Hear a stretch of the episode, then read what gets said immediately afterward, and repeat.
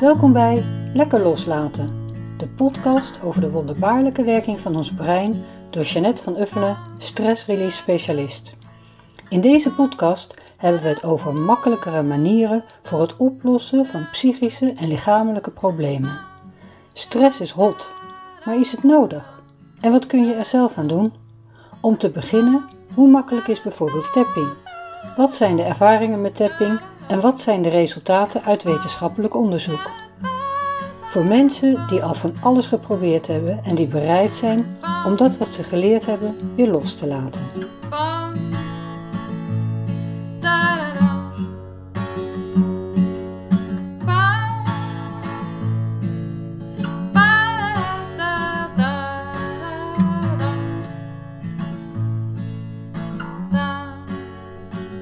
In deze podcast ga ik in gesprek met Tintin Joris.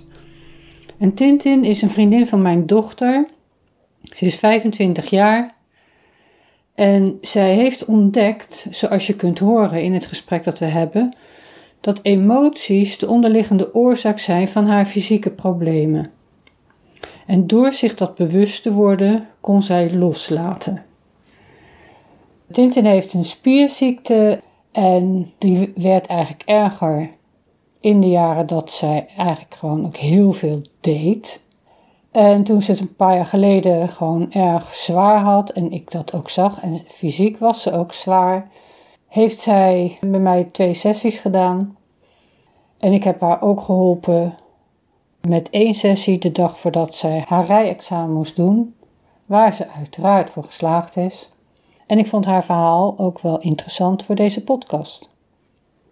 Behalve wat je nu kunt horen, kwamen er eigenlijk nog twee onderwerpen aan de orde. En dat is de vraag van, van Tintin: hoe ga ik nu verder? Eh, want dat hoor je er ook wel vertellen. Ze staat eigenlijk voor een keuze. En daarvan heb ik gezegd: Nou, daar kunnen we het nog een keer apart over hebben. En punt twee, zij vroeg ook tijdens het gesprek van allerlei dingen aan mij. Hoe heb jij dat gedaan en hoe was dat voor jou? En dat was ook heel interessant. Maar eigenlijk wil ik vooral in deze aflevering haar verhaal samengevat hebben. Nou, dat heb ik dus gedaan, maar ik wil niet uh, een gesprek in uh, drie stukken hakken, maar daar liever toch een aparte aflevering voor hebben. Nou, zoals gewoonlijk val je midden in het gesprek en ik wens je veel luisterplezier. En waarom ik jou ook wilde vragen, nou, hè, wij kennen elkaar hoe lang? Een jaar of tien, denk ik. Ja, denk ik wel. Een tijdje terug zei ik tegen jou van, oh, het ziet er eigenlijk geweldig uit. En dat vind ik zo leuk om te zien. En toen zei jij, ik weet niet meer precies wat, toen zei jij, ja, maar ja, dat zei jij toch? Of ik heb gewoon gedaan wat jij zei. En toen dacht ik, oh, interessant. En dan hoef je niet alle details te vertellen van wat precies aan de hand was. Maar ik ben dus wel heel benieuwd van wat denk jij nou dat je gedaan hebt? Wat heb jij nou gedaan? Voor zover je dat kan navertellen, waardoor je er nu zo gezond uitziet. En uiteindelijk ben je ziek of was je ziek. Maar wat ik zie, denk ik, nou ja, ik weet niet precies wat er gebeurt, maar het is wel goed voor je. Want ja, je straalt veel meer rust uit. Je bent denk ik ook veel rustiger. Je zit beter in je vel. Je zit mooier in je vel. Je vel is zelfs mooier. Ja, letterlijk. Dus, nou, geef ons het verlossende woord. Van wat heb jij nou gedaan waardoor je leven makkelijker geworden is? Ja, dat is niet één ding geweest, denk ik. Nee. En ik denk dat een heel groot stuk daarvan is bewustwording geweest. En inderdaad dus wel in de ziektewet komen en stil gaan staan. Echt, echt stilstaan bij wie ik ben en wat er gebeurt in mijn binnenwereld en in mijn leven überhaupt. Waardoor ik, uh, ja, waardoor ik zo slecht in mijn vel zat eigenlijk. Ja. En jij zei altijd, want ik, ik zat heel erg met mijn gewicht. Ja. Dat, dat weet je, dat ik daar heel erg tegenaan zat. Van ja, ik voel dat het niet van mij is. En ik, ik voel dat het overgewicht niet klopt bij mijn lichaam. En nou, jij zei altijd, weet je, als je het eenmaal loslaat, dan laat je het ook echt los. Dat is ook echt gebeurd. Ja. Maar niet door te kijken naar waar zit mijn gewicht nou en ik moet beter eten of dat of dat of dat. Ik moest mijn leven veranderen. En door me daar ook bewust van te, vo- te worden en alle ja, em- ja, vastgekropte emoties eigenlijk ook los te laten, daardoor ben ik inderdaad afgevallen. Ja. En ook door eh, lichaamsgerichte therapie wel, omdat ja, dat had ik ook nodig Ja. voor de stroming in mijn lijf. Ja. En daardoor is dat echt, eh, gebeurt. En ik heb jou heel vaak nog in mijn hoofd gehoord van... eh, wacht maar, als je het loslaat, dan laat je het ook echt los. Ja. En nou, ik ben in een jaar ben ik 20 kilo afgevallen zonder daar echt ja, moeite voor te hoeven doen eigenlijk. Ja, dat klinkt heel vreemd misschien. Maar ja, nee, voor mij niet. En daarom zei ik dat ook. Soms vind ik dat ook moeilijk. Jij- vroeg om diëten en wat heb jij dan gedaan en hoe dan? En moet ik dat dan wel of niet eten? Dus dat vind ik wel gaaf, want je zegt het wel heel helder. Want ik weet dat het zo werkt, maar het is moeilijk uit te leggen als iemand... dat kan je niet uitleggen. Nee, nee, Dat moet iemand ervaren. Want ik krijg nog steeds dagelijks de, nou, de verbazing ook van... Oh, wat zie je er goed uit. En wat ben Ja. je afgevallen. Dat Ja. valt altijd als eerste op. ja, En dan zeggen mensen, hoe heb je dat gedaan? En dan zeg ik, ja, door los te laten. Ja. En dan zegt ze, nou, je bent gek. ja, Je bent echt gek. Wat heb je gedaan? Alsof ik diëten verberg of het geheim. En nou ja, dat is misschien ook wel zo. ja, Het, is, het is wel een beetje een geheim. ja. Wat je Maar zelf dat moet is- ontdekken. Ja, precies. En ieder heeft zijn eigen unieke geheim. Ja, En dat is het vervelende vaak met als het onbewust emotie is. Ja, Ja. Het is ook moeilijk om erbij te komen. En dan moeten we vaak, denk ik, er moet iets heftigs gebeuren, waardoor je gedwongen wordt eigenlijk om stil te staan. Want hoe kwam jij nou op dat punt? Hè, je zei, ik ben letterlijk stil gaan staan. Ehm, nou ja, ik, eh, mijn spierziekte die werd vastgesteld. Dus ik ging natuurlijk fysiek sowieso heel erg achteruit. En mijn spierziekte is dat ik eh, wakker kan worden verlamd van de nek naar beneden. En dat, daar is geen pijl op te trekken wanneer dat gebeurt. En dat werd op een gegeven moment steeds heviger, waardoor ik ook moest stoppen met werken en mijn opleiding. Dus ik werd letterlijk gedwongen eigenlijk om stil te staan. En heel veel onderzoeken in te gaan. En daarna ben ik een periode van rust ingegaan. Omdat hè, mijn medicijnen werkten, maar ik kon nog niet werken. En wat was het nou eigenlijk allemaal? En ehm, wat ik ook daarnaast heel erg deed, omdat het mentaal gewoon niet goed met me ging. Ook door die spierziekte, zo jong. En beperkingen waar ik mee moest eh, leren leven eigenlijk. Ja, pittige therapie ook ingegaan. En waar ik nooit mijn draai echt kon vinden. Totdat ik eh, dus wel de goede therapievorm voor mij heb gevonden.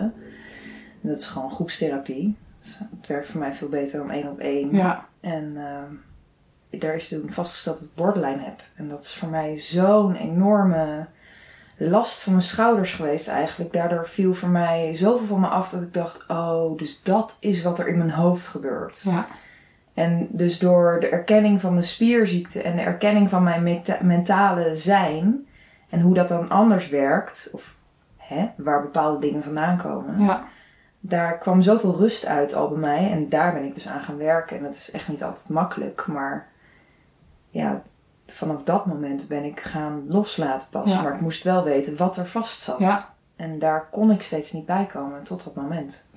En het was toch ook heel lang vaag überhaupt wat voor ziekte je nou had? Heel lang vraag wat voor spierziekte ik had en of het wel een spierziekte Ja. was. Want hoe oud was je nou voordat toen je dat voor het eerst had? Eh, vier of zo. Ja. Ja, echt al eh, heel jong. Maar mijn moeder die had het ook. De, en bij haar konden ze niks vinden. Dat was natuurlijk al eh, weet ik veel hoe lang geleden. En heeft zij het ook nog steeds? Ja, maar ik ben degene met de hevigste vorm uit, het hele, uit de hele familie. Ja. Dus, En betekent dat je broer het ook heeft? ja, je? mijn Oh, broer heeft het ja. ook. Maar die heeft het vooral bij zijn benen. Dus die heeft verlamming en verkramping in zijn benen. En mijn spierziekte is ook nog zo dat het twee kanten op kan gaan. Ik kan verlamd raken of ik kan eh, enorm verstijfd raken. Dus dan kan ik de trap niet oplopen. Ja, Dat gaat allemaal weer weg, maar het gebeurt wel. En waar ik nu ook langzamerhand steeds meer achter kom, dat dat ook te maken heeft met mijn emoties. ja, Als ik gespannen ben, dat ik ook echt letterlijk gespannen raak Ja. in mijn lichaam. ja. En heb je dan nu door die therapie een vorm dat je daar, eh, dat je het aanvoelt komen? Of dat je het kan voorkomen? Of dat je kan zorgen dat het... Ik bedoel, voorheen werd je er denk ik gewoon door overvallen. Van, oh, het was weer zo. En dan moest je het dokterziekenhuis. Ja, klopt. Ja, ik denk dat het voor mij nu sowieso helpt, wat je zelf al zei. Ik ben een stuk rustiger Ja, in mezelf en ook naar buiten toe. Ik, ik ga niet meer heftig naar feestjes. Ja. En eh, nou, ik, ik ga niet meer tot het gaatje. En niet te zeggen dat dat de reden was, maar ik ging in ieder geval over mijn eigen grenzen Ja. heen. En dat gebeurt niet meer zo vaak. ja, nou misschien niet de reden, maar het helpt niet. Het, het hielp inderdaad niet. Nee. dus, eh, hè? niet de oorzaak, maar... Het hielp zeker niet. Nee, En ehm, nou, door therapie heb ik niet per se ontdekt wanneer het wel of niet gebeurt. Maar ik ben wel dus bewuster geworden van... Ja. Oké, ik voel me nu heel gespannen. Dus ik moet een avondje voor mezelf hebben. En Ja. normaal gesproken zou ik dan gewoon naar mijn vrienden gaan. En de hele week vol stampen met eh, ja, hè, allerlei activiteiten. En Ja. nu neem ik gewoon veel meer tijd voor mezelf. Ja. Heel belangrijk. Ja, ja. Zeker. En weet je, als je dat niet weet, en dan ga je ook gewoon maar door. En dat is zeker natuurlijk met, met drinken, weet je. Het wordt op een gegeven moment een soort uitlaat. En dat zeg ik, heb ik niet alleen over jouw ervaring, maar ook persoonlijk weet ik daar natuurlijk wel wat van. En dat is ook van huis uit. Hè, was het roken, drinken, snoepen, eten, wat ik tenminste in mijn familie zag als. Dat Ja. doen we als we problemen hebben. En dan weet je dus ook niet anders. Laat staan dat je weet dat er een probleem is. En dat is natuurlijk heel vaak dat dan wordt gezegd: oh, je drinkt te veel of je rookt te veel of weet ik wat. Wordt dat aangepakt, maar dat is niet, dat is maar een, eh, een symptoom. Dat is niet de oorzaak. Ja. En daarom heb je natuurlijk ook honderdduizend diëten en allerlei eh, afkikprogramma's.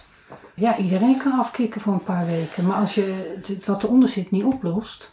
ja, het is een soort pleister op de wond, even Ja. tijdelijk. Ja. En je blijft altijd een verslaafde. Eigenlijk maak je het nog zwaarder. Dat is het trieste eraan. Weet je, als roken mijn uitlaatklep is en ik mag dan ook nog eens niet meer roken, dan bouw ik nog meer spanning op. Ja. Daarom denk ik ook dat je echt van eh, water drinken dik kan worden. Want juist mensen die snoepen of drinken als uitlaatklep, als dat dan ook niet meer kan, wordt de stress nog groter. En cortisol en dat soort hormonen, dat zijn dikmakers. Ja. En die maak je aan als je stress hebt. Dus je zegt, ik heb er een heleboel voor losgelaten. Maar natuurlijk mensen die daar moeite mee hebben, die vragen zich natuurlijk af, ja, maar hoe heb je dat dan gedaan?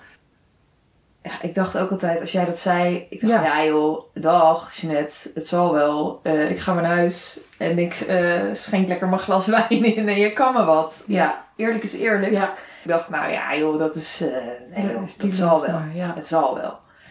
Ja, en wat kan je daar nou aan doen om dat los te laten?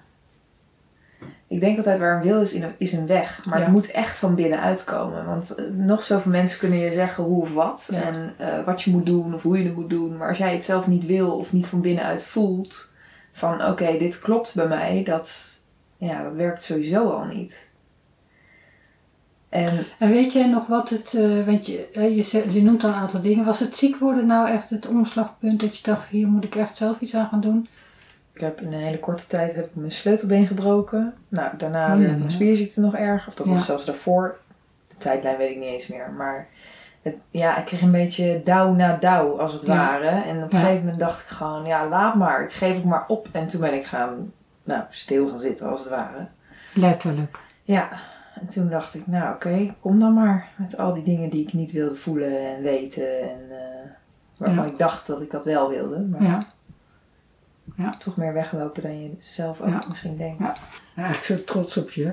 Oh.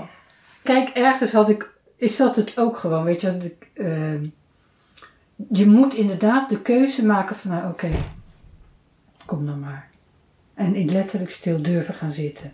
Want er zijn ook heel veel mensen die zeggen, ja, ik kan, zo ik blijf dan eens een keer een avondje stil. Nee, dan komen de muren op me af. Nou, ga dan maar midden in je kamer zitten en wacht maar. Kijk, dat advies kan ik altijd geven, want ik weet muren, die blijven gewoon zitten waar ze zitten. En ik had bij jou wel het gevoel van, nou, ga vooral nog even door. En het gebeurt wel. Sommige mensen heb je dat gevoel van, nou, ze- die gaan het nooit, of die snappen het niet, of er moet veel meer gebeuren. Of die willen niet. Nee, Ik denk dat je het echt moet willen. ja, En ik denk ook vaak nog wel terug aan de sessies die wij hebben gehad. En ik dacht altijd, het was te vroeg. Het was te vroeg voor mij om zo met tapping eh, dat echt te begrijpen en echt toe te laten en zo. Ik was nog een beetje te... Ik wilde nog een beetje het boefje uithangen wat ik was en wat in me zat. Daar heb ik ook geen spijt van eigenlijk. Nee, ik denk ook niet dat het te vroeg was, want het was te vroeg om te begrijpen wat er gebeurde misschien. En ik had ook toen helemaal niet de verwachting dat je dat nou allemaal ging veranderen. Eh, maar het heeft denk ik toch iets gedaan. Ja, dat wel. Het doet iets en of je het snapt en zelf gaat tappen, dat verwacht ik überhaupt. Echt bij jonge mensen gewoon niet. Ik zeg het wel. Nee, dat is veel te druk met alle andere dingen in de Het is wereld. echt te moeilijk hoor, vijf minuten per dag. veel te moeilijk. En het tappen helpt heel erg, omdat je dan fysiek iets doet, maar het zit ook niet in tappen. Daarom ben ik ook na tappen, en ik heb niet hypnose allemaal, weet je, al die, het zijn allemaal methodes die interessant zijn, maar het zit vooral in het denken. Heb je ook hypnose gedaan? Ja, ik ben een hypnotherapeut. Als je dat geweten had, dan Ja, was je dan helemaal eh, had ik... nee, dan had je telefoon al rood gloeiend gestaan. En, en het zit vooral heel erg in je denken en dat besluit nemen. En eigenlijk maakt het dan volgens mij niet zo heel veel uit. Wat je, weet je, dan moet je inderdaad therapieën of eh, hulp zoeken wat bij jou past. Mhm. Waarvan je denkt, oh ja, hier heb ik een klik mee. Nou, voor mij was dat ooit een rugzak pakken en naar Griekenland eh, naar de zee gaan zitten staren. Toen had ik al het een en ander aan therapie en opleidingen achter de rug. Maar dat je, dat je ergens intuïtief gewoon iets doet. En dat kan inderdaad zo simpel klinken. En dan zeggen mensen, ja, maar dat kan het niet zijn. Ze zegt, nee, ik ben gewoon stil gaan zitten. Ja. Maar ik vind het gaaf dat je het zegt, want dat is dus wat ik ook vaak tegen mensen zeg. Ga nou eens gewoon stilzitten. De moeilijkste opdracht die je iemand kan geven, denk ik. Mediteren, zeg ik, ja, maar ik weet niet hoe ik moet mediteren. Ik zeg, vijf minuten stilzitten. Ja, ik vind het ook nog steeds verschrikkelijk om Ja. te doen hoor. Heel ongemakkelijk. Ja, En, eh dus eh, nou, dan moet je het misschien tien minuten doen. ja, precies. Want dat is het ook. Ik heb dat, maar daar heb ik ook met naar de sportschool gaan of de zee in. Weet je, de eerste minuten zijn verschrikkelijk. Ja. Maar als Ja, je er is eenmaal in zit, En daarna, dat is het beste. Dan denk je zo, had ik dit maar drie uur eerder gedaan. Ja. Twee weken eerder, Ja. nog het liefst. Ja. ja. En die zee kan ik natuurlijk ook heel erg uitstellen, maar ik ga het liefst 's ochtends. Eh, en als ik dan geweest ben, ben ik altijd zo, weet je, mijn dag is anders. Eh, ja, en je slaapt natuurlijk veel beter. Ja. Of naar de sporten, weet je, als ik op de fiets zat was het al oké. Dan moest ik nog aan die hele pilatesles beginnen. Maar dat beginnetje is vaak het lastigst. Ja. En ik kan hier echt een uur door het huis draaien voordat ik in die stoel ga zitten waar ik ga zitten mediteren. Terwijl ik kan er ook gewoon meteen in gaan zitten. Want ik weet na die drie minuten draaien zit ik goed en, en dan kan ik zo een uur zitten. Ja. Dus als je die vijf minuten nog moeilijk vindt, zou ik zeggen, nou doe de tien. Ja, dus ook een vraag, heb je daarvoor gekozen of kwam het uit de lucht vallen? Nou, dat vertel je wel. Je bent eigenlijk gewoon, eh, Allebei een beetje eigenlijk. Vertel. Nou ja.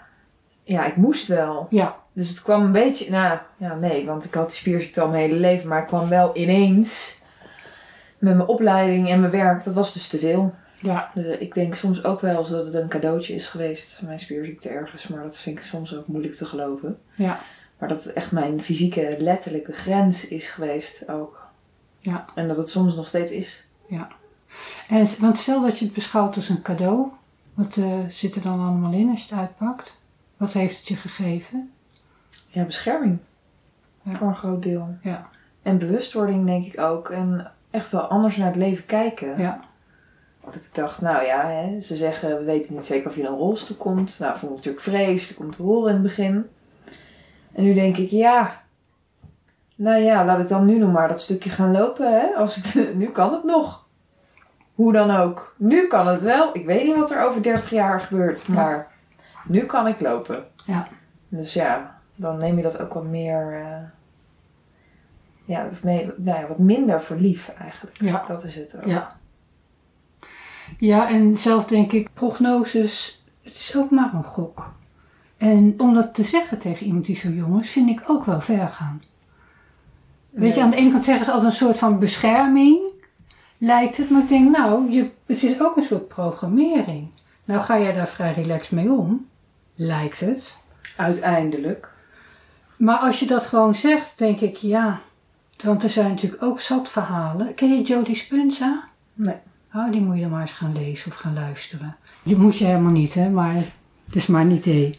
Over drie jaar. Oké. Wat je er aan toe bent. En dat soort gasten vind ik natuurlijk überhaupt fascinerend. Van, wat doe je hier en wat hè, volgt het lichaam? En, als, en dat is natuurlijk ook met het hele kanker- en chemo-verhaal. Er gaan zoveel mensen dood als ze eenmaal aan de chemo zitten. En dan is, daar wordt steeds onderzoek naar gedaan. Want hoeveel scheelt het nou eigenlijk in jaren? En hè, als je wel of geen chemo gaat doen of bestraling.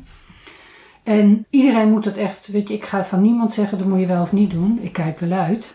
Maar ook de prognoses die mensen dan te horen krijgen. Van je hebt nog zo lang en je hebt nog zo lang. Terwijl ik ken ook mensen, die ken ik ook persoonlijk, die... Nou, ik ken één iemand, die ken ik uit 1993. En die hoorde toen dat ze nog een half jaar te leven had.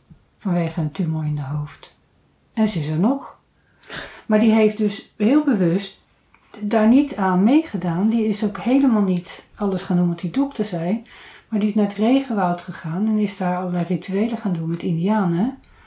En ze is, ze ziet er eigenlijk geweldig uit. Ze zag er toen ook niet slecht uit, maar ik zie inderdaad haar huid is gewoon zo mooi geworden. Terwijl ze, nou ik denk dat ze inmiddels ook tegen de 70 is, want ze is echt gewoon een paar jaar ouder dan ik. Er zijn al zoveel verhalen, weet je, ik, dan is of, of ze zeggen ineens, ja, dan, oh dan klopte de foto zeker niet, want we zagen daar en daar en daar kanker zitten op dat plaatje.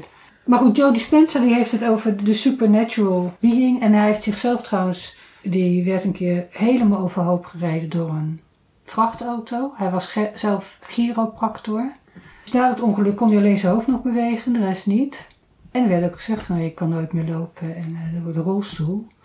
En toen hij was zich al een beetje uh, volgens mij aan bezighouden met dit soort. Toen is hij echt in zijn mind, ik weet niet precies hoe hij het gedaan heeft, dat heb ik wel gelezen ooit, maar dat kan ik nooit helemaal navertellen. Maar ik geloof dat hij binnen acht maanden weer liep. En alle dokters zeiden dat is niet mogelijk. Uh, dus hij reist de hele wereld door en heeft mooie boeken geschreven. Er zijn een paar van zijn boeken in het Nederlands vertaald. We kunnen heel veel hiermee. En ik weet, omdat ik dat, toen ik mijn enkel brak, dat zag er echt verschrikkelijk uit.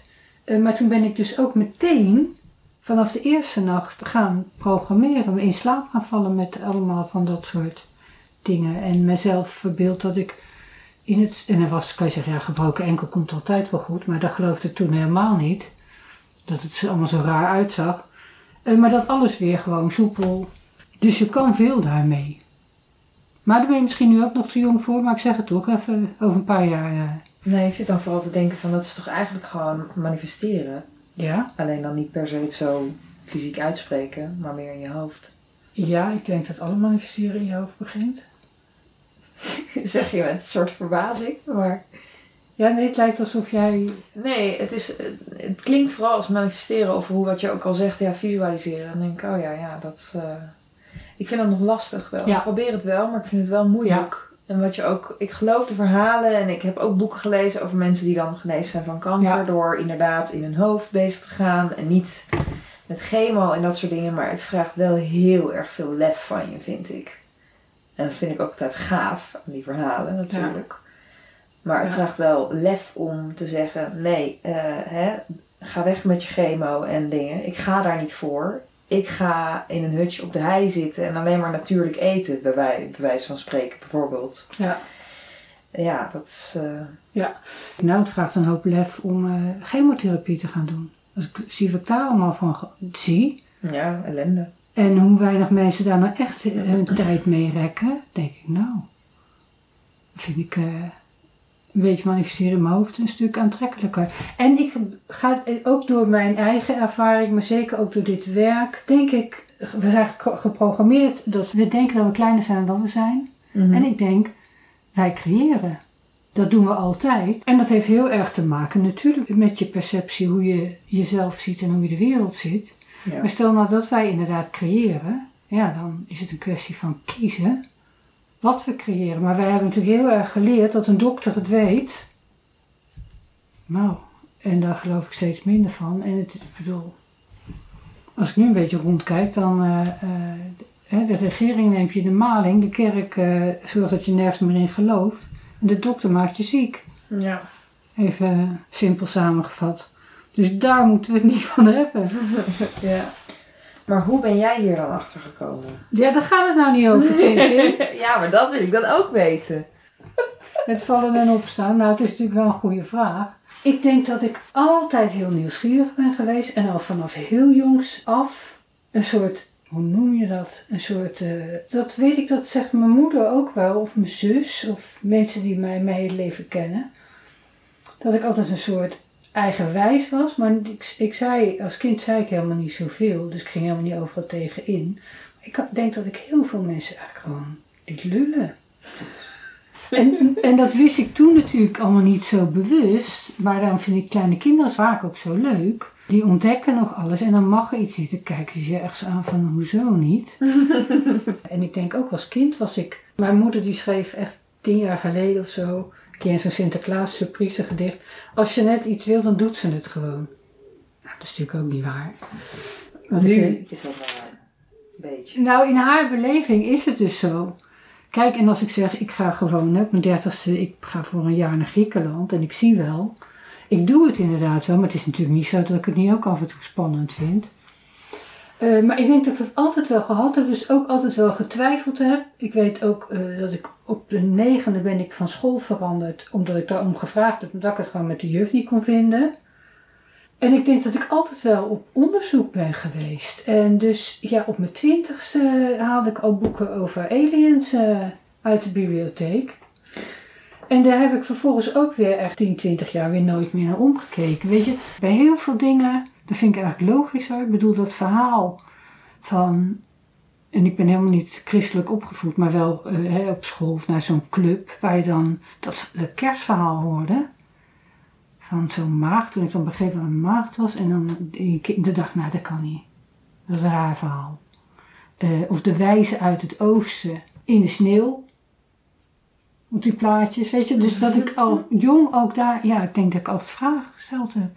Dus ook wel naar dat soort boeken gezocht heb en, en daar een soort logica in vind. Uh, tegelijk ben ik natuurlijk ook gewoon in deze cultuur opgegroeid. En net zo geprogrammeerd. Eh, als iedereen. En denk met, wij zijn heel erg geprogrammeerd dat ze eigenlijk niks zijn. afhankelijk van God en uh, dokters en weet ik wat allemaal. En daarvan denk ik steeds meer, dat is helemaal niet waar. En dat is ook ervaring, uh, ook door te mediteren, ook door te reizen, ook inderdaad. Ik heb wel eens vijf weken in mijn eentje onder een boom gewoond op een of ander eiland. Ja, dan leer je wel dingen. Over ja. stilzitten gesproken. Zit je daar? En ik ging, uh, en er waren wel mensen, ik bedoel, ik, het is niet zo dat ik echt niemand zag, maar wel uren in mijn eentje. Dus. Maar dat heb jij dus niet hoeven leren, want dat deed je als klein kind al. Eigenlijk. Ja, dat besef ik nu pas, hè, de laatste jaren. Ik, en ik denk eigenlijk dat we een soort worden opgevoed en worden geprogrammeerd en dat het vooral gaat om dingen afleren. Ja. Want ik denk dat jij het ook hebt ergens. Wat? Nou, dit, eh, een, een innerlijk weten. Ouders of opvoeders of uh, leraar op school, die vinden je dan wel gauw hè, dat je het beter weet. Maar misschien is dat wel waar. Dus ja, ik weet niet of ik het niet heb geleerd. Ik denk dat, maar ja, dat kan ik nu zeggen, nu ik heel oud ben. Dat ik, dat ik steeds meer zoiets denk van, oh ja, ergens heb ik dit altijd, ergens heb ik dit altijd geweten. Maar de, je wordt zo gebombardeerd. Ik heb ook eh, vroeger altijd gezegd, ja, ik vind de Bijbel interessant, net als eh, de sprookjes van Grimm of van Andersen. Dit is echt wel bedoeld als gesprek, weet je, niet als interview dat ik alleen maar vraag stel, jij de hele tijd aan het woord bent. Uh, dus ik vind het ook leuk dat je vraag terugstelt. Maar heb je een beetje antwoord op je vraag? Ja. Ja. Wel met heel veel uitlopers, dat ik denk, ik kan heel veel vragen stellen. Ja, precies. Maar goed, ik uh, hou me Die in. doen we niet. Okay. Maar dat is wel belangrijk dat je dat goed hebt. Ik denk dat jij het net zo goed hebt. En ik denk eigenlijk iedereen, maar bij Sommige is het denk ik wat sneller te bereiken. Ik denk ook wel dat we, en dat zie ik ook met heel veel van mijn klanten en mensen die ik interessant vind, die, dat, die hebben allemaal gewoon heel veel meegemaakt. Misschien kiezen we daar inderdaad wel voor als we naar deze planeet komen. En dan moet je door het een en ander heen om inderdaad vooruit te kunnen. En weet je, er is zo'n jongen die reist de wereld rond, die heeft geen armen en geen benen. En die spreekt zalen toe over verlichting of weet ik waar het over heeft. Weet je over wie ik het heb? Ja, volgens mij heb ik hem wel eens gezien op een filmpje. Ja. Nou, als ik zo iemand zie, dan denk ik, jezus, een normaal zo'n pik ben ik. Uh, als ik nou kijk naar dat iedereen die mij dwars zit, mij iets komt leren, ja. dan is mijn leven echt veel interessanter. Zo, maar dat is wel echt waar hoor. Sluit me bij aan. Ja. Maar net zo als dat mensen je ook soms echt kan helpen op je pad. Ja. Op een positieve manier. Ja. Om je even weer een zetje te geven. Ja, zeker. Dat gebeurt ook. Net zeker. zo goed. Ja. Ja. En ongeacht wie het is, ongeacht of zij het weet, wat er dan ook gebeurt in mijn leven, of wie mij dwars komt zitten, ook om überhaupt te kijken, hé, hey, wat gebeurt hier? Wat doe ik nou eigenlijk? Ja. Waarom maak ik me überhaupt druk om dingen? Ja, waarom? Ja, Maar ja, dat is zo makkelijk gezegd. ja, precies. En is het wel, gaat het mij wel iets aan? En zeker eh, mensen die mij dierbaar zijn, die wil ik natuurlijk altijd beschermen, maar die hebben gewoon ook hun eigen ding te doen. Ja. En hun eigen weg te gaan. En die moet ik ze ook gunnen. Ja. Ik hoor gelukkig ook steeds eerder dat ik denk, net hou eens even lekker je kop. Ja. En nu weet ik steeds meer. Weet je, de wijsheid komt met de jaren of zo. Dat is ook niet bij iedereen het geval. Je ziet ook hele oude mensen die echt nog steeds heel dom zijn. Dus het gaat niet altijd op. Maar dat, nou ja, dat is dus ook loslaten. Hè? Gewoon, is allemaal loslaten. hoe moeilijk was het voordat het makkelijk werd? Hoe moeilijk was het voordat het makkelijk werd? Ja, ja, misschien heb je dat eigenlijk al verteld. Ja, het was niet leuk. Nee, Ik ben blij dat ik nu hier zit. ja. En ik zou het niet anders willen doen dan hoe het was. Maar Nee, want dat is ook inderdaad mijn vraag. Als je nu Oh. terug in de tijd kon gaan. Nee, dat geeft niet, dat is leuk. Als je nu terug in de tijd kon gaan en zou mogen kiezen, zou je dan die situatie willen doormaken met alle voor- en nadelen? ja, ik denk het toch wel. Ja. Ja, want anders had ik hier nu niet gezeten zoals ik nu ben. Dus dat is echt... eh, En ik ben heel blij met wie ik ben. Dus waarom zou ik dat anders willen? Ja. Ook al waren die de gebeurtenissen en de keuzes of de... Hoe je het ook wil noemen, niet leuk. Ja. Het is wel eh, waar het me nu heeft gebracht. En nu is het wel leuk. Ja. Dus ja. Ja. Ik zou het niet anders doen. ja, duidelijk hoor. Weet je, vaak blijven we vechten om, tegen iets eh, wat al lang voorbij is. En eh, acceptatie van een situatie, dat geeft ook zoveel vrede eigenlijk. En dat is iets heel anders dan, weet je, alles maar goed vinden. Maar volgens mij snap je wel wat ik bedoel. Ja, ik snap wat Ja. je bedoelt. Het is niet altijd makkelijk hoor. Nee. Want eh, mijn spierziekte en zo, ja, dat, soms kan ik mezelf ook nog wel vervloeken. Dat ik denk, waarom kan ik nou niet dit? Waarom kan... Nou, dat is meer wanhoop dan. Ja. En die is echt niet weg. Nee. Maar 9 van de 10 keer gaat het nu wel beter. En ik kom dit heel af en toe nog eens even de kop opsteken. En denk, oh ja, dat gevoel zit er ook nog. Weet je, maar dat, ja, dat komt wel met de jaren. Je Maar kan dat niet, is wel eh, heel belangrijk, hè, wat je nu zegt. Dat het dus ook fysiek beter gaat. Want ik- er was natuurlijk een tijd dat je om de havenklap naar het ziekenhuis moest. Maar ik heb nu medicijnen, dus ik... eh, Ja, Ik weet niet of het daaraan ligt of aan mijn hoofd. Dat, dat is dus de grote vraag. Maar ik heb liever niet dat ik het ga uitproberen en mijn medicijnen opzij zet. Want het is toch, eh, nou ja, het heeft Ja. me echt wel geholpen. ja. Ja, en waarom zou je inderdaad als iets werkt? Want het zijn bepaalde stoffen die... eh, Ja, het gaat om een kanaal, mijn hersenen wat niet goed gaat en zo. Dus dan denk ik, ja, eh, oké. Ik geloof echt in manifesteren en visualiseren, maar dit is zo eh, fysiek. ja. Dat ja, Ja. dan heb ik me altijd mijn vraagtekens er wel bij. ja, en dat is ook belangrijk. Dat ik ook zeg, ik zou die gebroken enkel... Ik had het niet willen missen, want ik ben daar echt een stuk... Met levens, ik ben daar gewoon leuker door geworden. Liever, makkelijker, relaxter. In de eerste plaats voor mezelf. En toen nog eens eh, eh, voor de rest van de wereld. Maar ik ga niet meer al mijn aandacht besteden aan dat ik geen stijve enkel heb. En als ik lang zit, dan is die stijf. Maar ik kan ermee lopen, kan ermee zwemmen, kan ermee fietsen. Eh, nou, schaatsen en skiën, nou, dat ga ik niet eens proberen. Nee, dan zegt hij jo weer knak. Ja, maar het, het voelt ook omdat ik gewoon niet meer helemaal zo... Kijk, ik schaats zo tot Noorden en dan moet je lekker kunnen doorzakken. Maar dat kan gewoon niet. Ja, Ik denk, er zijn nog zoveel andere dingen in de wereld te doen. Die wel kunnen. En dan ga ik ook niet dat helemaal zitten visualiseren of mezelf wijzen te maken dat dat anders moet. Of dat het soepeler moet. Hè? Ik geloof, je kunt je leven helen, maar eh, een mankementje hier of daar, hoe erg is dat? En dat is ook, en denk ik, als je er goed mee kan leven. En het, eh, waarom zou je er ingewikkeld over gaan doen over dat kleine stukje wat je dan aan medicijnen of weet ik wat nodig hebt. ja, precies. Eh, als je het vergelijkt met hoe het was, dan ben je er toch een stuk beter aan toe. Want dat is soort, soort vind ik inderdaad in de hele wereld van, eh, dus de maakbare wereld kunnen we ook enorm in doordraaien natuurlijk. Ja, het is een beetje... ja, je moet niet het contact verliezen met de aarde onder je voeten, zeg maar. Nee, nee, Dat is ook heel belangrijk. ja. Helder. Wat heb je geleerd van die hele situatie? Eh, wat heb ik geleerd? Of misschien nog interessanter, wat heb je geleerd over jezelf? Zo, dat is een uitgebreide vraag. Wel. Eerst wat in je opkomt.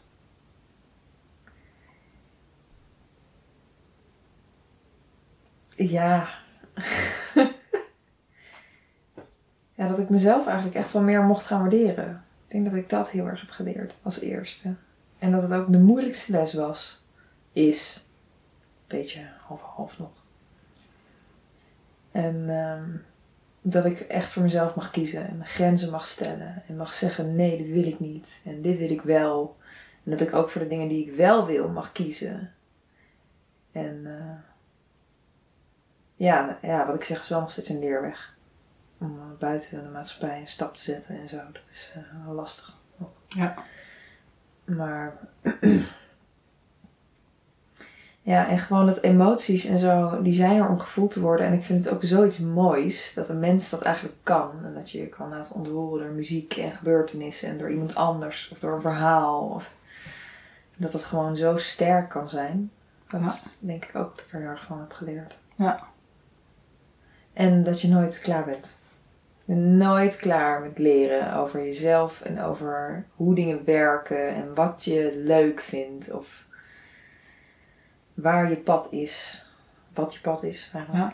Ja, het, het klinkt een beetje wazig zo. Nee, helemaal maar, niet. ehm, Ik ben blij dat ik die vraag gesteld heb. Het is helemaal niet wazig. Maar misschien omdat dat ik super wazig ben. Nee, nee.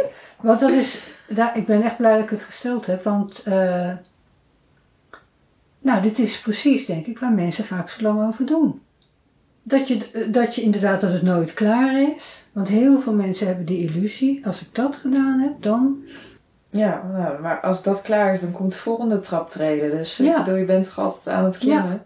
Ja, en die, weet je, dat uitgangspunt van ik ben hier om te leren en eh, het is niet klaar.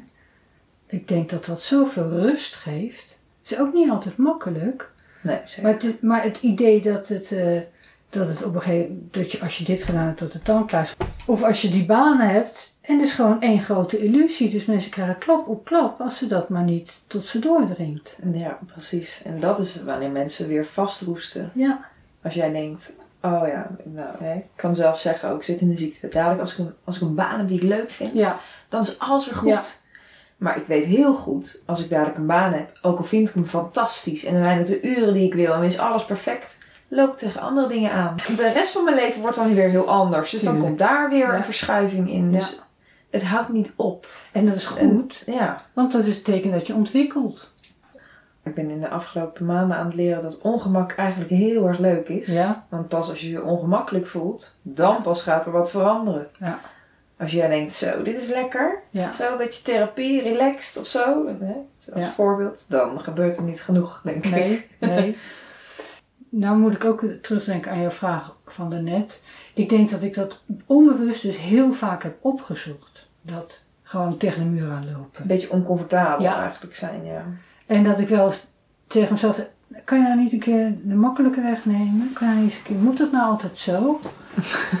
Blijkbaar wel, want op de ene schudde ik mezelf dan wakker. Of, maar ik deed dat vrij onbewust, impulsief. Ach man, ik, ik droom nog wel eens hè, dat ik in een vliegtuig zit en denk, oh shit, waar ben ik nu naar op weg? Maar daardoor heb ik me wel heel erg in gang gezet vaak. En dat ik ook vaak dacht, wat doe je eigenlijk raar? Terwijl nu als ik terugkeer denk ik, ja, er zit eigenlijk wel een soort logica in. Alleen die zag ik toen absoluut niet, maar ik Nee. deed het wel. Omdat ik eigenlijk altijd, en ik nog steeds, ik studeer nog iedere dag. En dat zit dus niet altijd in boeken, want dat zit dus ook gewoon in eh, uren naar de zee kijken. Maar ik vind het dus gaaf om te ontwikkelen en om te leren. Of om met mensen in gesprek te gaan die heel anders zijn dan ik. Of dat ik naar de ICT ging. Was ik de enige vrouw, zat ik echt tussen 40 mannen op zo'n zaal Wat, bij IBM. wat deed je daar? Nou, ik wilde eh, computertechniek leren. En er was wel soms hele extreme overgang. Ik had toen iets van twaalf jaar of zo maatschappelijk werk gedaan. En uh, crisisopvang en kinderbescherming. Dus dacht ik, heb geen zin meer aan die shit iedere dag. Dus toen ben ik eerst naar Griekenland gegaan. En toen kwam ik terug. Ja, ik had natuurlijk een cv wat daar vol mee stond. Dus heb ik het nog een tijd gedaan. Toen dacht ik, nou, nu wil ik iets heel anders. Toen wilde ik ook niet meer al die shit over die kindermishandeling aanhoren. Ja, dat kan ik me voorstellen. En uh, dat wilde ik überhaupt al niet, maar helemaal niet toen ik zelf een kind had. Dus toen dacht ik heel iets anders. Toen ben ik naar de ICT gegaan. En dat was echt verschrikkelijk natuurlijk.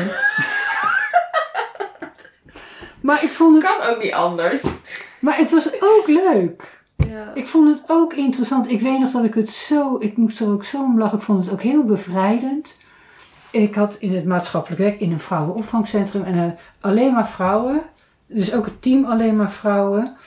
En die deden echt zo moeilijk, want als daar iemand solliciteerde, dan had ze eerst een sollicitatiegesprek met vier mensen, geloof ik. Dan nog moest een keer terugkomen en kennis maken met het team. Dan nog eens een keer terugkomen voor een meedraaidag.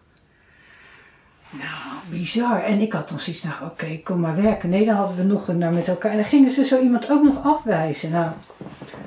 En ik weet, bij IBM vertelde ook ooit eens iemand... Ik heb net met iemand een kwartiertje koffie staan drinken... En achteraf heb ik begrepen dat het een sollicitatiegesprek was. En ik ben nog afgewezen ook. en toen dacht ik, oh ja, zo doen technische mannen dat. Uh, het was natuurlijk het andere uiterste. Maar ik vond het tegelijk ook van, jongens, we voelen niks, we hebben het nergens over. Het gaat alleen maar over nullen, ene en van die apparaten. Ja, dat vond ik ook wel heel bevrijdend. Maar goed, na twee jaar was ik er ook al klaar met. Zeg, mag ik alsjeblieft computerles gaan geven aan mensen? En zo ben ik trainer geworden. Oh ja, dat over jezelf wakker houden. En uh, dat ik er niet zo heel erg tegen sleur kan. En dat overal wat te leren valt. En toen deed ik dat soort dingen vrij impulsief. En dat ik wel eens dacht, kan niet een beetje makkelijker. Terwijl ik nu denk, nou, er zat wel logica in. En nu weet ik het, want uh, nu heb ik al tig jaar mijn eigen toko. En ik vind het nog steeds heel erg leuk om iedere dag te leren. Maar dat leer ik natuurlijk leer ook in iedere sessie heel veel. Ik leer mensen kennen. Het is echt het leukste wat er is, hè. Mensen zijn echt... Ja, een soort regenboogje. Zo fascinerend. Of ze, ze zijn niet allemaal leuk, maar ze zijn allemaal fascinerend. Oh ja, zou je nog iets... Als zoiets nou weer zou gebeuren... Nou, bij jou was zoiets als natuurlijk een opstapeling. Zou je... Wat zou je nu anders doen? Als zoiets weer zou gebeuren... Hmm. Ik denk dat ik het maar gewoon over me heen zou laten komen. En er niet zo tegen zou vechten. En als ik er verdriet van zou voelen, wat ik natuurlijk wel had, maar dat mocht ik van mezelf nooit voelen. Aangeleerd gedrag. Ben ik nu achter. um, dat dat wel mag. En dat dat kan. En dat Ja. dat oké is. En dat als je daar verdrietig van bent, dat dat een reden heeft. Om wat dan ook, hè. Bedoel, het kan je sok zijn die niet matcht met de ander. Maar het kan Ja, ook om het verlies zo. zijn van iemand of Ja. zo. Dat, dat- er is geen maatstaf daarvoor. Ja. En ik denk dat dat het eerste is wat ik zou doen. En dat ik ook hoop, want dat weet ik natuurlijk nog niet, omdat het nog niet is gebeurd. ehm, dat ik ook hoop dat ik er rustig onder kan blijven in mijn hoofd. Dat ik ook vertrouwen kan blijven hebben van, nou weet je, we hebben dit eerder gedaan. Of er is al zoiets gebeurd. Of weet je nog wat je toen deed? Maar wat bedoel je, wat is nog niet gebeurd? Nou, bijvoorbeeld nog een hele heftige extreme spieraanval. Dat ik in het ziekenhuis lig en zo. Dat is al een vrij geruime tijd niet gebeurd. En dat maakte me toch altijd wel extreem wanhopig. Ja. Ook omdat ik de wanhoop van mijn ouders ineens heel erg voelde dan. Die normaal gesproken natuurlijk, net als bij mij, niet echt aanwezig is. Omdat hè, het is niet op dat moment eh, aanwezig, letterlijk. Dus En wat bedoel je nou? Dat, dat, dat, Ehm, kan ik je niet helemaal volgen. Nee, wacht. Ik zal even. Stel nou dat ik weer extreme spieruitval krijg. Of dat ik weer mijn sleutelbeen breek. Dan kon ik ook helemaal niks. Ik was helemaal niks waard. Dat was echt vreselijk. Ehm, ik heb daar zo veel frustratie bij gevoeld. En zo, en eh, god voor dit. En waarom ben Oh, ik het? En waarom heb ik dit? Ja. En wanhopig en slachtofferachtig. Ja. En het was allemaal vreselijk. En het was allemaal buiten mijn macht en zo. En nou, dat eh, een deel is misschien inderdaad buiten mijn macht. Want het is een fysieke beperking. Ja. Maar ja, het gaat er denk ik vooral om hoe je er daarna mee omgaat. Ja. En ja, mocht dat nou weer gebeuren, hoop ik dat ik dat ook kan Oh zien. ja. En niet Ja. alleen maar denk, oh en waarom, waarom ik? Ja. Want ja, Dat is sowieso een vraag die je eigenlijk nooit moet stellen. nee, want ja, waarom heb jij dit en waarom heb ik dat? dat ja, oké. Shit happens. Of shift happens. ja, Maar meestal brengt waarom ons bij de antwoorden die we weten logisch. Dus ja, waarom ik brengt ons meestal bij wat er mis bij ons, met ons is. ja, genetisch. Oké, nou. nou. Genetisch of psychisch of, eh, waarom, of ze moeten mij hebben of zelfs God eh, is tegen mij, weet ik veel. Eh, volgens mij is dat een Arabisch gezegde. Het gaat niet om je, hoe je het leven leeft, het gaat om hoe je het navertelt. ja. Het gaat om perceptie natuurlijk, weet je, van anders blijf je maar vechten. Ja. Want is het nou gewoon een tijd ook erger geweest? Zo'n twee, drie jaar geleden dat je het gewoon ineens vaker had? Of? Ja, het, is, het heeft zich echt eh, in een sneltreinvaart ontwikkeld op het Ja. moment dat ik met mijn HBO-opleiding begon. Oh ja. Maar ja, het zijn ook dingen die ik me afvraag. Dat ik denk, nou, het is wel heel typisch dat het begon, tweede jaar in mijn HBO-opleiding, die ik eigenlijk heel erg zwaar vond. Waar ik geen rust in nam. Terwijl ik daarnaast ook flink veel werkte. En nou hè, druk maar opvoeren. Ja, Ja. Ja, en inderdaad niet stilstaan. en ook Ja. dat ik dacht, hè, dit is het eigenlijk niet voor mij. Maar Ja. ik moet het afmaken, Ja. want geld, schulden, eh, Ja. papiertje. Ja. Nou, je kent het. Ja. Het stramien. Ja. Ja. En heb je nu idee wat je zou willen? Ik kom er steeds meer achter dat ik niet pas in het eh, normale plaatje met de 38-urige werkweek en eh, gewoon een kantoorbaan en zo. Dat is niet voor mij. Maar wat dan wel? Ja, volgens mij is het ook best een... Het is geen normaal plaatje, het is gewoon een heel oud, ouderwets plaatje. Ja, maar dat is, ja, dat is wel het plaatje wat ik nog veel meekrijg. Van Ja. ja. je moet gewoon werken en vijf dagen in de week. En, Ja. terwijl, ja, ik zou liever, ik, ik zie mezelf meer een beetje zoals jij dingen doen. Weet je wel, cursussen geven en trainingen en mensen behandelen en helpen. En ook wat vrijheid daarin hebben. Ja. Niet zo, ja, vast in zo'n team en zo'n hokje in een kantoor. Nou, dan moet je dat gaan doen. Ja.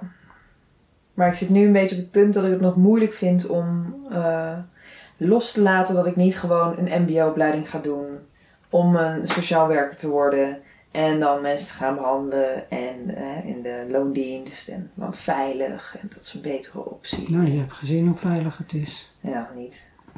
Dat soort veiligheid bestaat niet. Het is ook één grote illusie. En ik zeg dat moet je doen. Ik zeg niet je moet morgen doen, hè. Nou, Je droom is je bedrijf. En dat is natuurlijk zo. En daar kunnen we het misschien een andere keer nog eens over hebben. Wat is je droom? En gelukkig zie ik de hele, een heel deel van eh jongere generatie die dat ook steeds meer snapt en ook gaat doen. En nou ja, daar hebben jij en ik het nadeel dat we daar absoluut niet in zijn grootgebracht. Maar daarmee heb je gewoon ook weer, weet je, een diamant. Weet je hoe een diamant zo mooi wordt? Dat is gewoon een zwarte steenkool hoor. zonder wrijving geen glans. Tegendruk, precies. Hoor. Dat is maar die bergen die in elkaar. En dat, eh, ik kom ook uit een nest van als je voor een dubbeltje geboren bent, dan word je nooit een kwartje. En nu heb ik gewoon een, eh, een internationaal bedrijf. En dat is hartstikke leuk, maar ik heb daar natuurlijk heel veel. Nou ja, daar heb ik ook best wel jaren over gedaan. Vooral om al die oude programmering los te laten. En steeds terug naar wat wil ik het liefst. Nou ja, dan ben ik steeds dichterbij. Dus eh, lekker loslaten. Samengevat. Nee, maar dat is ook, daarom vind ik het ook echt mijn werk zo leuk. Omdat het steeds meer is wat ik werkelijk. De manier waarop ik het wil.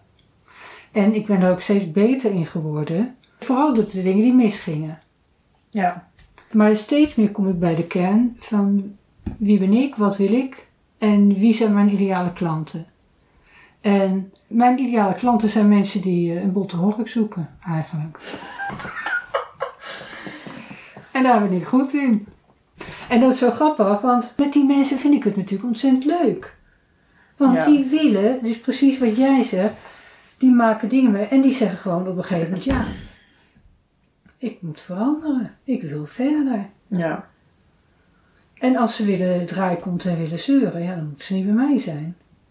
En dat vind ik ook goed inmiddels. Vroeger vond ik dat nog erg. En nu denk ik, oké, dat was het voor dit moment. Want ik heb ook gezien dat mensen soms na een tijdje terugkomen. En mensen waren gewoon nog niet zo ver. Of dan is het voor dat moment genoeg. Maar ik ben wel scherp. Maar ik, ik weet waarom ik het doe. Ik wil mensen echt eh, helpen. Ja. Maar daarom wil ik wel mensen die vooruit willen. Die echt zeggen, ja oké, ik wil veranderen. Maar ik vond dat dus heel bevrijdend. Als mensen, te- als ik sessies had, maar ook gewoon zo, weet je, als mensen zeggen van hé, hey, je doet dat en dat. Ik weet dat ooit eh, had ik een relatie met iemand en die zei tegen mij, je bent agressief. En die had gezegd, mijn vader is agressief en mijn hele familie is agressief, maar ik niet. Dat zei ik allemaal niet gelukkig, maar dat voelde ik wel zo. En tegelijk dacht ik, nou, misschien heb je wel een puntje. en ik ben hem nog steeds dankbaar, want is, uiteindelijk heeft het mij zoveel opgeleverd dat hij dat zei. Ik, dat is gewoon een super blinde vlek. Want ik, heb, ik, nou, ik sla nog geen vlieg dood. In die zin ben ik helemaal niet agressief, maar ik kan iemand met één zin om zeep helpen. Nou, dat deed ik met hem waarschijnlijk ook. Niet op een grove manier, maar als mensen gewoon het lef. Ik denk ook dat dat echt ware liefde is. Weet je, als je met iemand bent en je draait er niet omheen. Dat betekent niet hetzelfde. Vroeger dacht ik dat je moet eerlijk zijn, dus je moet alles zeggen wat er in je opkomt. Ja. Dat heb ik gelukkig afgeleerd. Maar ik dacht dat echt. Ik dacht echt eerlijk zijn. Dat betekent dat je het zegt. Nou, dat gaf dus toen ik negen was ook problemen met de juf op school. Ook met mijn eigen vader en moeder trouwens. Maar ik snapte dat niet. Dat je dat beter niet kon doen. Nou, gelukkig weet ik dat nu wel. Maar ik hou er wel van als mensen, als, als je last van me hebt, dat je dat zegt. Of als je iets leuks aan me vindt, dat je dat ook zegt. En hoe kom ik hier nou op? Oh ja, inderdaad, van het soort werk dat ik nu doe. Dat ik inderdaad steeds meer mijn vorm vind in hoe ik werk. Dat ik daar ook steeds meer de klanten bij heb die dat willen. En dat ik steeds meer ook ga begrijpen dat dat is wat ik ben. En terwijl ik natuurlijk heel veel last heb gehad van die directheid. En heel veel voor op mijn donder heb gehad. En mensen heb weggejaagd en mensen boos gemaakt van te huilen. En dat ik dus heel lang gedacht heb, groot deel van mijn leven, oh jee, ik doe iets fout. Dus dat ik jaren heel stil ben geweest. Ja, maar toch, als ik, als ik ga praten, dan zeg ik weer van alles wat mensen niet willen horen. Terug naar jou, wat jouw droom is. Want dat ouderwetse plaatje van die 38 uur per week, ja, dat... Nou, De en dat is... maken me niet uit hoor, maar... Nee, Maar, eh, van- van leven, zo van Ja. zijn. ja. Ja. Maar het liefst sta ik voor groepen. Gewoon, dat is echt, dat heb ik in mijn opleiding al een beetje van kunnen proeven. En dat Ja. vond ik zo leuk. Zoveel Ja. energie van. En zo, ja, denk ook dat het iets van je vraagt om dat te durven. Ja. En dat, dat heb ik gewoon in me zitten. Ja. Heel natuurlijk al. Ik vind dat helemaal niet moeilijk. Tuurlijk Nee. vind ik het spannend. Ja. En, weet je, maar ik, ja. Ik zie het je ook zo doen. En jij hebt al iets te vertellen. En Keute, hè? Vrij, Oh. vrij schoolkindje. Oké, Keute, even duur doen, ja. Keute heeft echt goede dingen gezegd. Eh Steiner ook trouwens. Hoor. Ook rare ook dingen. wel eens. Ook rare Ze hebben ook allemaal rare dingen gezegd. Maar ook allemaal waarschijnlijk gewoon vrijmetselaars hè, in een en ander clubjes. Maar goed. Keute zei, wensen zijn voorgevoelens van hetgeen we in staat zijn te realiseren. Die moet je echt even naar me sturen. Want die wil ik onthouden. Oké, Ja? is goed. Want als we het niet in ons hadden, dan kwam die wen kwam het in je hoofd op. Die drijft mij ook al 30 jaar, geloof ik, deze spreuk. Dat vind ik altijd heel troostend, want ik denk, er komt zoveel in mij op, soms, vaak, wakker wel van mijn eigen goede ideeën. Eh, maar ik denk, dat is dus al in mij. En daar maakt het ook zo eenvoudig. Wij kunnen, en dat zie je dus heel veel mensen doen, allerlei trainingen en nog eens een training. En als ik dan dat kunstje kan, dan kan ik eindelijk gaan training geven. Of dit beroep doen, of dat doen. Terwijl, eigenlijk werkt het andersom. En ga maar schrijven. Wat heb ik te vertellen? Of wat is mijn verhaal? En dat bedoel ik, als jij jouw verhaal, je hebt net wat je nu vertelt, wat je hebt meegemaakt. Er is er iemand die daar misschien nog net voor zit. Zoals jij er twee jaar geleden bij zat. Dan moet je je voorstellen wat je daaraan kan leren. Aan zo iemand. Ja. Je kan een leven redden. Meerdere zelfs. Als je dat gaat beseffen, maar als je daar naartoe gaat van mijn ervaring, mijn verhaal. En wat ik net zeg, hè, ik ben een meester in loslaten. Ik ben ook een meester in uitstellen. Dus ja, dat zijn precies de dingen waar heel veel mensen mee worstelen. Dus dit soort onderwerpen, het maakt niet uit hoe, hoe je het doet, of je het hebt of niet. Hier ben ik specialist in. En ik ben uniek. Jij ook. Dus we hebben allemaal een eigen, unieke, originele manier om dat verhaal te vertellen. Maar we worden vaak zo gestuurd en zijn zo eh, geprogrammeerd om net als de anderen te zijn. Nou ja, dat moet je aan de ander overlaten. Jouw grote opdracht is, en de mijne, om mezelf te zijn. Dat roepen we ook te heel, mezelf zijn. Ja, wat is dat dan? Wie ben ik dan? En nou, dat heb je net volgens mij uh, vrij duidelijk verteld. Dus ik zou naar de volgende podcast luisteren. Hele interessante mevrouw. Oh ja? Ja, maar dat is ook mijn doel van deze podcast. Hè? Doordat je het vertelt, besef je ook, en daarom vraag ik ook door, wat heb jij nou veranderd? Of wat is er nou in jou gebeurd? En wat zijn jouw keuzes geweest? Die heb je allemaal verteld.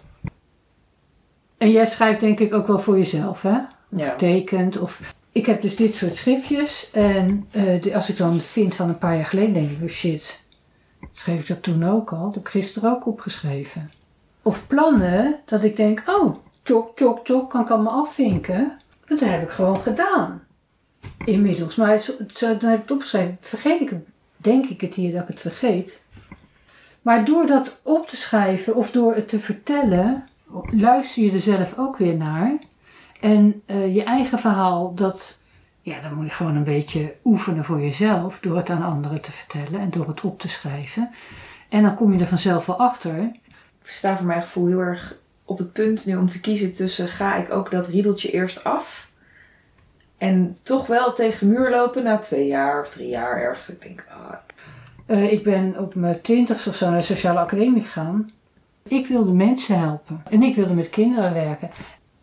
Toen ik uiteindelijk bij de kinderbescherming ging werken, toen wist ik al dat de kinderbescherming dat ik daar echt helemaal niks te zoeken had. Maar ik moest dat even afmaken. Ergens wist ik dat ik het had geroepen toen ik kind was. En daarna ben ik ook uit dat hele soort werk gegaan. Maar mijn hele eerste twaalf jaar van mijn loopbaan was één grote therapie. Vrouwenopvang, Eerst in de horeca. Nou, allemaal crisisopvang, allemaal shit. Eh, kinderbescherming, zegt de ergste variant.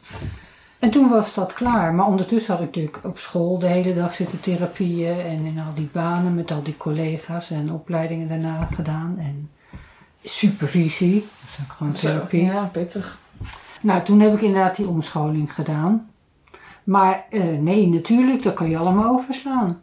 En je kan ook die HBO-opleidingen overslaan. Want je kan namelijk ook gewoon lekker online een paar goede trainingen doen. Als je denkt, ik heb behoefte aan dit leren of aan dat leren.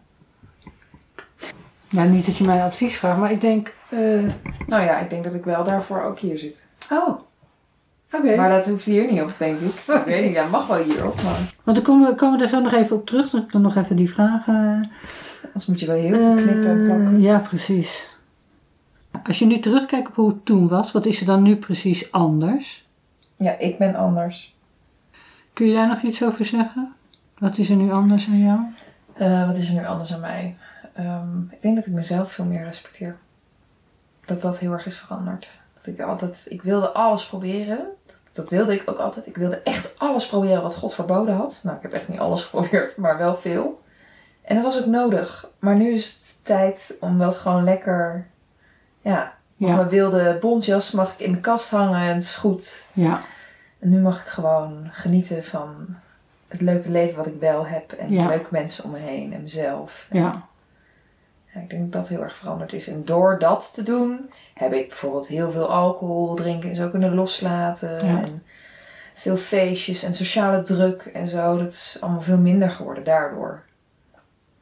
Dus ja, en vooral ook achterkomen dat het in jezelf zit en niet bij iemand anders. En dat niemand anders het voor jou gaat doen. Ja. Ja, dat is ook belangrijk. Niet En- dat ik dat ooit dacht hoor, maar er zijn Nee. mensen die, dat, Ja, die daarop hopen. ja, ja, Dat iemand jou uit huis komt halen. Van kom, ja, ga mee. Maar nee, je moet jezelf uit Ja. je huis halen en eh, gaan wandelen of ja, noem maar op. ja. Je wilde nog iets vragen. Gaf ik alweer antwoord. Nou, je zei ik respecteer mezelf, maar eh, ik denk van je hebt ook daardoor wel gezien dat je inderdaad, dat zei je net, ook de moeite waard bent. En eigenlijk best wel een leuk mens bent. Ja, zeker. En ik ben me ook veel meer gaan uitspreken naar de mensen om me heen. En ik ben echt gaan zeggen van, hé, hey, maar dit is wat ik wil. En Ja. dit is waar ik behoefte aan heb. Of ik ervaar dit op deze manier. Hoe ervaar jij dat eigenlijk? En daar kwamen ook hele interessante gesprekken uit. Waardoor ik ook de verdieping in ben gegaan met mijn vriendschappen en mijn familie ook. Ja. Dat het gewoon veel helderder is eigenlijk. Ja, want zo werkt het ook. En vaak, hè, we leren heel erg, zeker vanuit het christendom, van oh, eerst anderen en dan jezelf. Dat slaat eigenlijk nergens op. Want als je jezelf bevrijdt, bevrijd je ook de mensen om je heen. Ja.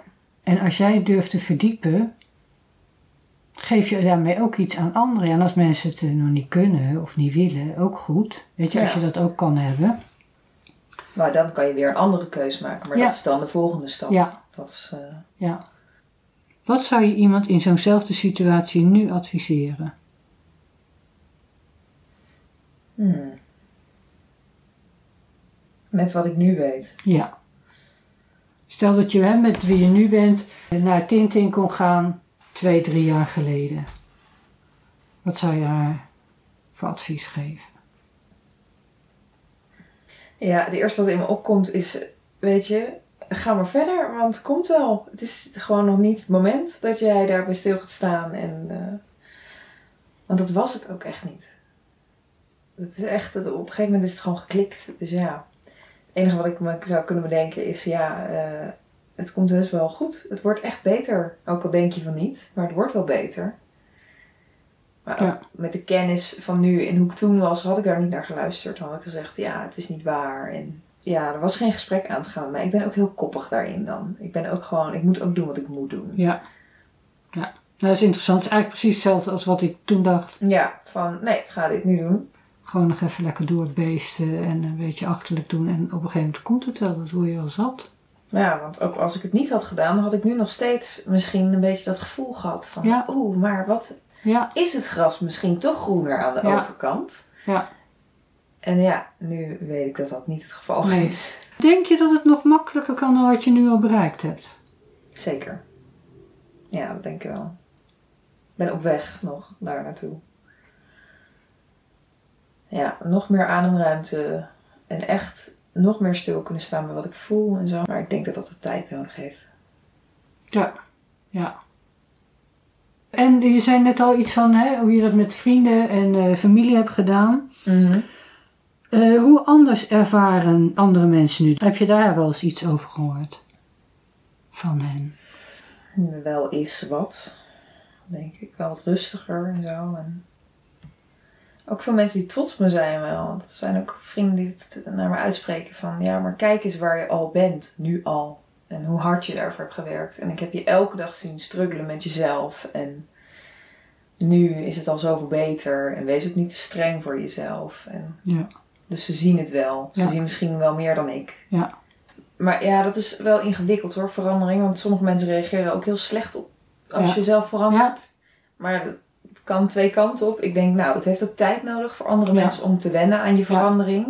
Ja. Er zijn ook mensen die niet mee willen doen. Ja. En dan op een gegeven moment eh scheidt het kaf zich van te Ja. koren. En dat is ook eh, Einde oefening. Ja. helemaal goed Ja. voor je leven, denk ik. Ja. Alle gifspuurs Ja. eh, lekker afschrijven. Ja. En- Wat ik ook geleerd heb, iedere keer weer, als je durft los te laten, komt er altijd iets beters voor in de plaats. zeker waar. Altijd. Ja, maar het begin is oncomfortabel Ja. en moeilijk. Ja. Ja, of we denken aan iets wat we inderdaad, hè, een bepaalde relatie met iemand hebben, jarenlang, en het was zo leuk. Ja, en op een gegeven moment is het gewoon Ja. klaar. En wie zegt eigenlijk dat dat erg is? Het is ook zo'n idee. Terwijl ik denk, ja, misschien ben je inderdaad, als je vanuit dat ze altijd aan het leren zijn, maak je een bepaalde ontwikkeling samen mee. En dan is het misschien op op een gegeven Ja. moment. Ja, en dan is het denk ik ook gezond om gewoon los te laten. Zeker. Heb je zelf nog iets toe te voegen dat ik niet gevraagd heb? Nee, ik denk het niet. Het enige waar ik nog aan moest denken net toen je vertelde over die diamant en zo. En over dat je mensen, dat je zei, mensen die hier komen, die willen gewoon, of ik ben een botte hork daarin. En dat ik denk, ja, maar je kan iemand alleen maar zoveel confronteren als dat je van ze houdt. Dat heeft iemand ooit tegen mij gezegd, dat zal ik nooit vergeten. Want het is zo waar. Als jij respect hebt voor iemand en ook, nou ja, wederzijds vertrouwen en zo. Dat alleen daarin dat kan ontstaan wat je zegt, ik trek veel meer deze mensen aan. Dan denk ik, ja, gun ik je ook wel. Dat is mooi. Dankjewel. Nou, het is mooi dat je het zegt, want het is waar. Het is pure liefde. Ja, En dat verstaan mensen niet altijd. En de bottenhork valt natuurlijk wel mee, hè. vind Eh, ik ook. Maar ja, goed, ja. mensen noemen mij ook wel zo. Ja. Dat is, eh, Ja. Ik, ik dacht ook vroeger dat dat normaal was. Dat als je aan iemand vroeg, hoe gaat het met je? Dat iemand dat dan gewoon ook kon vertellen. Omdat ik zoiets had, nou, ik vind niks leukers dan dit soort gesprekken. Dat het echt ergens over gaat. Met iemand die ook nog eens dat ook wil. ja. Dat vind ik ook het mooiste wat er is. Superleuk dat je geluisterd hebt. Hartelijk dank daarvoor. Mede namens iedereen die heeft bijgedragen aan deze podcast. Ik hoop natuurlijk dat het je iets makkelijker gemaakt hebben, want daar doen we het voor. Luister nog even naar een paar belangrijke dingetjes. Wil je meer horen? Abonneer je dan op deze podcast. Volg hiervoor de instructies in de app waarmee je nu geluisterd hebt. En word jij een beetje blij van wat je hebt gehoord in deze podcast? Deel dan die blijdschap en geef ons een review. Ik heb ook nog iets leuks voor je. In 10 minuten leer ik je de basisbeginselen van tapping, omdat het zo ontzettend makkelijk is.